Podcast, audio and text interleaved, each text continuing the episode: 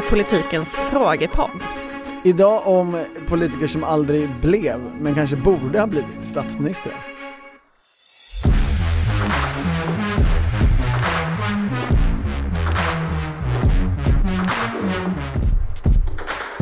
Tack herr talman. Alltså den nivån på frågor är ju bara för bedrövlig.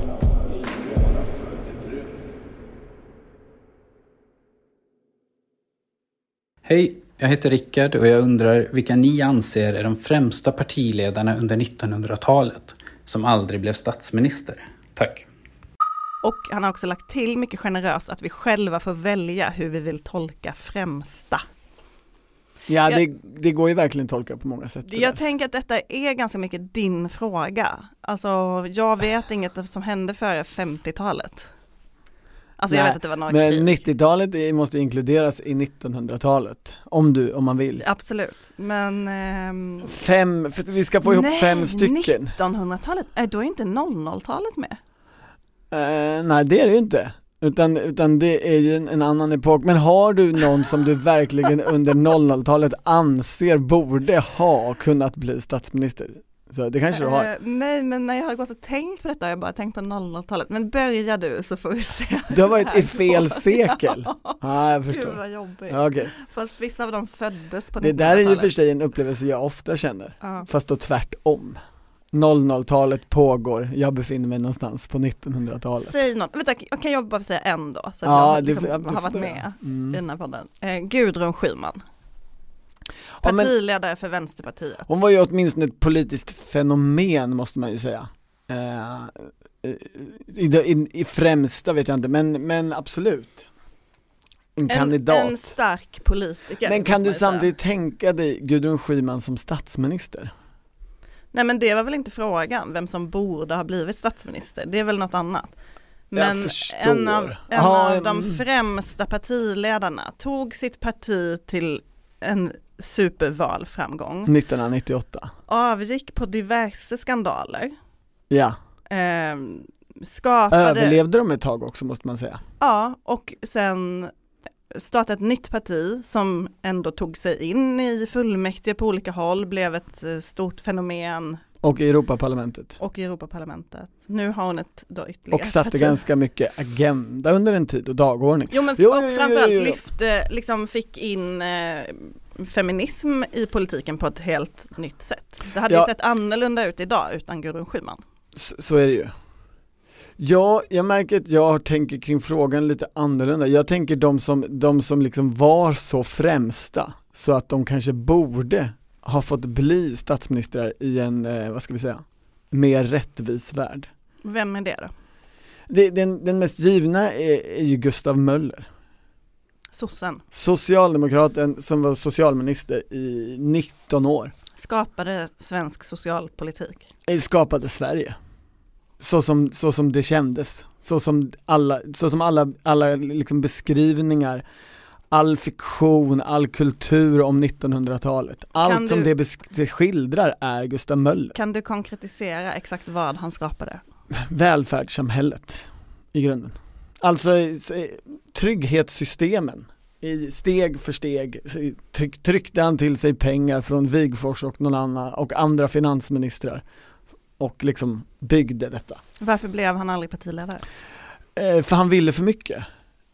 När, eh, när Per Albin Hansson dog där strax efter andra världskrigets slut eh, så ansåg ju Gustav Möller, eh, när han tittade i spegeln, att det bara fanns en kandidat till att ta över som statsminister då och socialdemokratisk partiledare. Det är ju en känsla många bär på Eh, i politiken. så är det Men han gjorde det väldigt mycket. Och eh, eh, samtidigt hade han ju liksom, var han ju så pass stor så han hade gjort sig ovän med ganska många i regeringskretsen. Och eh, motargumentet var vi måste generationsskifta nu i efterkrigstiden. Och då blev det den här eh, människan som ingen vanlig Svensson visste vem det var, han Tage Erlander. Men det finns ju en tidigare frågepodd som vi gjorde eh, tidigare i våras där du går igenom Gustav Möllers liv i detalj. Eh, Det kan jag eh, tänka mig, det här har vi pratat om många gånger. Varför han, det borde göras en film om honom. Eh, Ja, alltså hela hans, hela hans uppväxt eh, och hur han eh, tas om hand som fosterbarn i en stor näringslivsfamilj i Malmö och Exakt, men liksom- du behöver inte dra den igen, dra det igen för att den inte. finns inspelad. Men det är ju så filmiskt och så episkt. Men jag undrar, ehm, har du någon fler? Ja, ja, ja, ja, sen finns ju Bertil Ohlin förstås. Alltså folkpartisten som var partiledare och oppositionsledare i 22 år, eller vad det var, alltså plus 20 i alla fall. Och han borde ha blivit på ren uthållighet. Eh, Nej men tänk Ulf Kristersson eh, som nu har misslyckats, vad är det, två gånger plus ett antal försök under mandatperioder. Eh, En gång är det väl i alla fall. Och eh, det är ju ingen människa som, som idag tänker sig att om Ulf Kristersson skulle förlora valet så skulle han bara få tuffa på som oppositionsledare, bygga ännu mer på sitt nya högerblock eller vad vi skulle kalla det. Och så hålla på så i 20 år. Det går ju inte. Nej. Men Bertil Ohlin får det ju absolut på, på, på rent eh, ren uthållighet på att han verkligen påverkade innehållet som oppositionsledare i den politik som Socialdemokraterna drev under hans år som oppositionsledare. Och på att han var så fruktansvärt bitter över att aldrig ha blivit statsminister. Eh, hans memoarer, eh, jag tänker alltid på den när jag läser bokrecensioner av nutida eh, memoarböcker från politiker.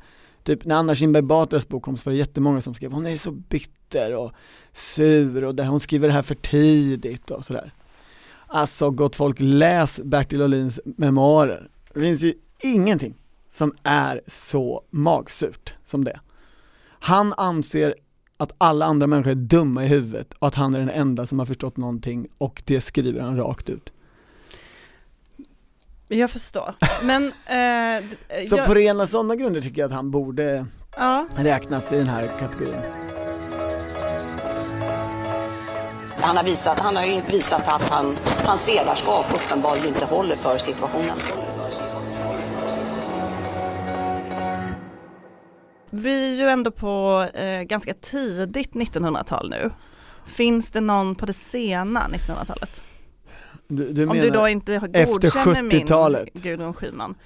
Eh, för, eh, alltså, frågeställaren vill ju ha fem personer, tveksamt om vi kommer lyckas enas om fem. Men jag tänker att så som jag minns 90-talspolitik annars, Ja, alltså 1900-talspolitik är ju för mig då 80-90-tal, Ja, då jag var vid liv. Ehm, så var det ju fullt av massa hopp om stora politiker som man tyckte växte upp. Det fanns en ungdomsgeneration Birgitta Olsson. Exakt, som jag, jag tänkte direkt på Birgitta Olsson, Gustav Fridolin, personer som inte sen för kanske blev de här stora politikerna. Som inte levererade, det var det du ville säga. Alltså Birgitta Olsson blev ju aldrig ens partiledare, förs försökte men misslyckades och Mm. lämnade ju sen och vill ju idag inte prata om Liberalerna överhuvudtaget. Eh, Gustav Fridolin blev ju språkrör men Han gjorde Miljöpartiet till ett parti som alla andra. han gjorde Miljöpartiet till ett parti som satt i regering men det går ju inte toppen bra och det gick ju inte toppen bra för honom på slutet heller. Nej det, det, gick, det gick ju verkligen inte. Eh, men det, Alltså jag menar då, alltså personer som sett som politiska underbarn var ju stort där på Ja, det var det. 90-talet men sen det var lite så här maränger som sjönk ihop. på den tiden tänker jag annars på Anna Lind. Alltså eh, det, det var ju mm, absolut som mest aktuellt inne på 00-talet då innan hon mördades. Men hon var ju på väg mot partiledarpost. Mm. Så, så och man får nog, om man skulle fråga en socialdemokrat den här frågan så skulle de ju väldigt fort svara Anna Lind. De, skulle, de allra flesta socialdemokrater skulle ju säga hennes namn som Mm. topp. Det skulle nog de flesta svenskar göra tror jag. Okej, så då måste hon vara med på listan. Men, eh, Eller men vad var, var hon storartad politiker? Hon var en populär politiker. Eh, man får ju säga att hon var en storartad politiker på dels på det sättet att hon gjorde miljöpolitiken bred, alltså bortom eh, Miljöpartiet i någon mening, och på att hon eh, tog Sverige in i EU genom att gå emot sina egna tidigare principer. Mm. Hon EU-fierade ju socialdemokratin. Kanske mer än någon annan socialdemokrat har gjort. Men det man tänker med Anna Lind är ju alltid vad hade hänt om Anna Lind hade, alltså inte hade blivit mördad. Den här slutdebatten i valet 2006 mellan Fredrik Reinfeldt och Anna Lindh. Exakt. Vad, vad hade hänt om, om Socialdemokraterna hade vunnit valet 2006? Det är ju en sån tanke som många, både Socialdemokrater men också andra har gått och, och burit på och funderat kring. Men jag, det finns ju en annan sån, Mhm. men nu är jag också på fel Nej, Kör på. årtusende. Vi räknar in det årtusendet. Ehm, och det är ju eh, valet 2002 och eh, vad som hade hänt om Lars Leijonborg faktiskt hade fått ihop sin mittenkoalition. När Det- Miljöpartiet förhandlade med både Leijonborg och Göran Persson och faktiskt lutade åt att bilda regering med Leijonborg men Maud Olofsson och Centerpartiet hoppade av. Just det, då var, då var det hela, alla fyra borgerliga partier plus Miljöpartiet och så en regering ledd av Lars Leijonborg. Det var underlaget, eller hur? Ja, var Moderaterna, skulle Moderaterna vara i regering? Osäker Eller om de skulle vara stöd utanför. Ja, det var ju tydligt att det skulle vara mitten. Ja, jag, jag, Han hade en Annie Lööf-dröm där. Lars Leijonborg skulle bli statsminister. Ja. Det var det han jobbade för. Japp. Och han gjorde det genom att förhandla med Miljöpartiet som ju inte släpptes in i regering Och så, och så hoppade Centerpartiet av den breda mitten. Dåtidens breda mitt. Och Jo men det hade tänk, tänk om det hade blivit så, tänk om man hade haft den där mittenregeringen, då hade ju inte alliansen bildats. Vad Nej. skulle Moderaterna ägnat sig åt när de startade nya Moderaterna? Nej, det hade de, nej då hade de, eh, då hade ju de eh, kunnat eh, bli liksom högerflankparti som hade slagit ut Sverigedemokraterna som fortfarande då var ett 2% parti. Jag säger inte att Lars Leijonborg är en av våra fem främsta politiker, men jag säger att det är alltid spännande att tänka sliding doors. Jag gillar att du tar upp det, för mitt motargument mot Lars Leijonborg skulle, Lars Leijonborg skulle vara eh, främsta politiker. Jag menar han har ju, eh, var ju, har ju, var ju en extremt eh, långvarig i svensk politik, hade jättemånga positioner, var inblandad i massa saker. Bland annat den fyraåriga mandatperioden brukar han ju själv skryta över att det är hans eh, verk. Också Nyamko Sabunis partiledarskap. Eh, Det skryter han inte så mycket om, men, men, men det kommer han kanske i framtida böcker skryta om. Eh, men, nej, nej.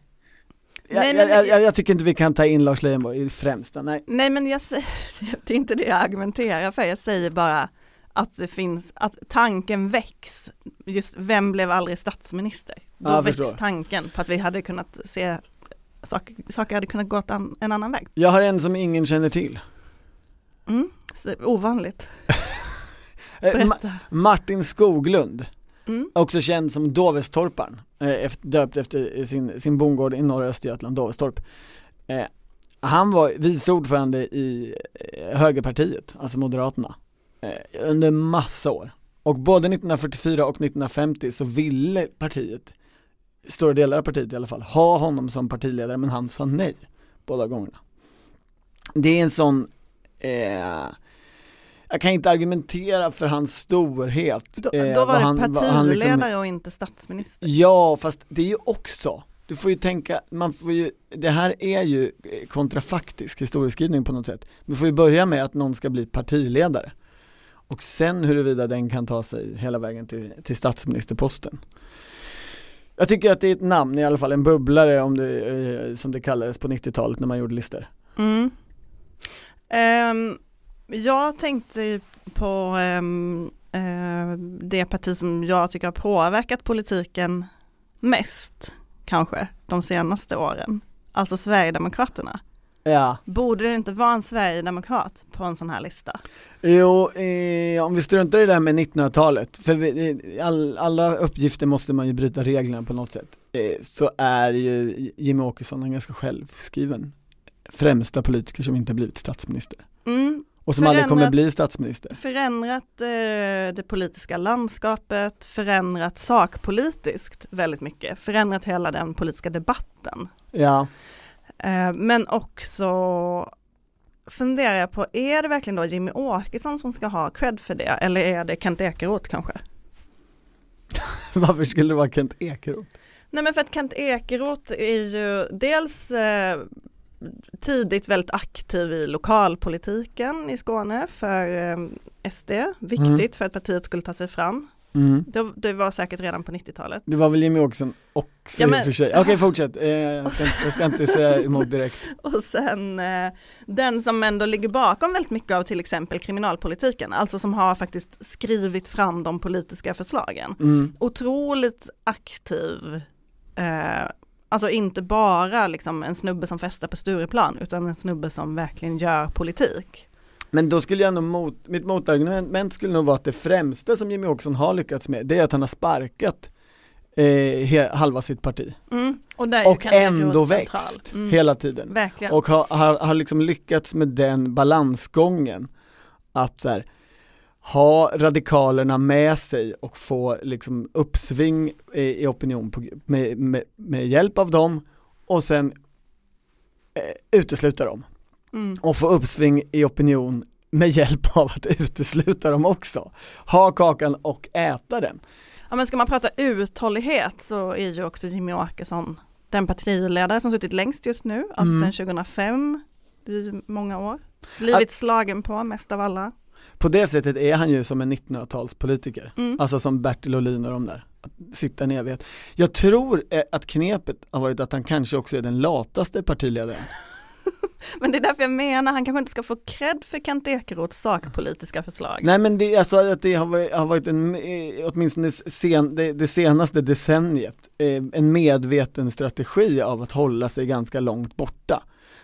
Och bara göra de insatser som man, han är bäst på. Eh, så beskriver jag åtminstone Sverigedemokrater med, med viss insyn situationen.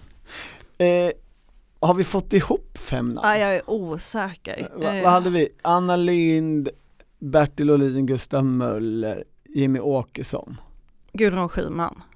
Ja men Schyman. Jo, Ja men tänk, okej då ska jag slutligen eh, eh, plädera för Gösta Bohman. Moderatledaren. Eh, för du, du drev ju ett case här bo, kring, kring Jimmie Åkesson, hur mycket han har förändrat den politiska dagordningen och ja, hela problemformuleringen. Det gjorde ju definitivt Gösta Bohman på, från 70-talet över 80-talet. Drev in hela liksom den internationella liberala vågen där ja, Keynes försvann och Friedman blev evangelium ja, men, Det- och det ehm, tycker jag ju- Han har ju också det för sig att han faktiskt verkade på 1900-talet. Till skillnad från Ja, jag, jag vill nog kasta här. ut Gudrun Schyman. Jaha. Eh, för hon är, Ja. alla de här tre är samma typ av politiker, som, som så att säga aldrig riktigt är statsministerkandidater, men som förändrar hur en statsministerkandidat och alla andra partier eh, pratar och vad de pratar om, dagordningen. Och, och Schymans dagordning, absolut, men den har ju, ja, i och för sig. Ja men ändå, att vara så framgångsrik i så många olika sammanhang. Jag tycker att det är, jag tycker det är konstigt om du ska plocka bort henne. Då tycker jag Jimmy Åkesson faller på tiden. Men det, det, då är det roligt i sig. Vi ska alltså göra en lista på fem största politiker som inte blivit statsministrar i Sverige. Ingen av dem är, är, är, är, är kommer ifrån det parti som ändå under de senaste 50 åren varit det stora oppositionspartiet, eller det som haft oppositionsledaren, Moderaterna. Nej men självklart kan du få ta, ta in, eh, Jag får ta in honom på, kvot, Ja. på kvot, ja. eh, mo- moderatkvotering. Nej, men jag säger också att det, det är också en tolkning av störst, eller främsta här som är, Vem ska vi slänga ut då? eh, ja men Jimmy har ju sagt, han åker ju på tiden. På formalia? Ja. Okej. Olin, Möller, Lind, Schyman, Boman. Det är, det är de fem. Ja. Tack för frågan.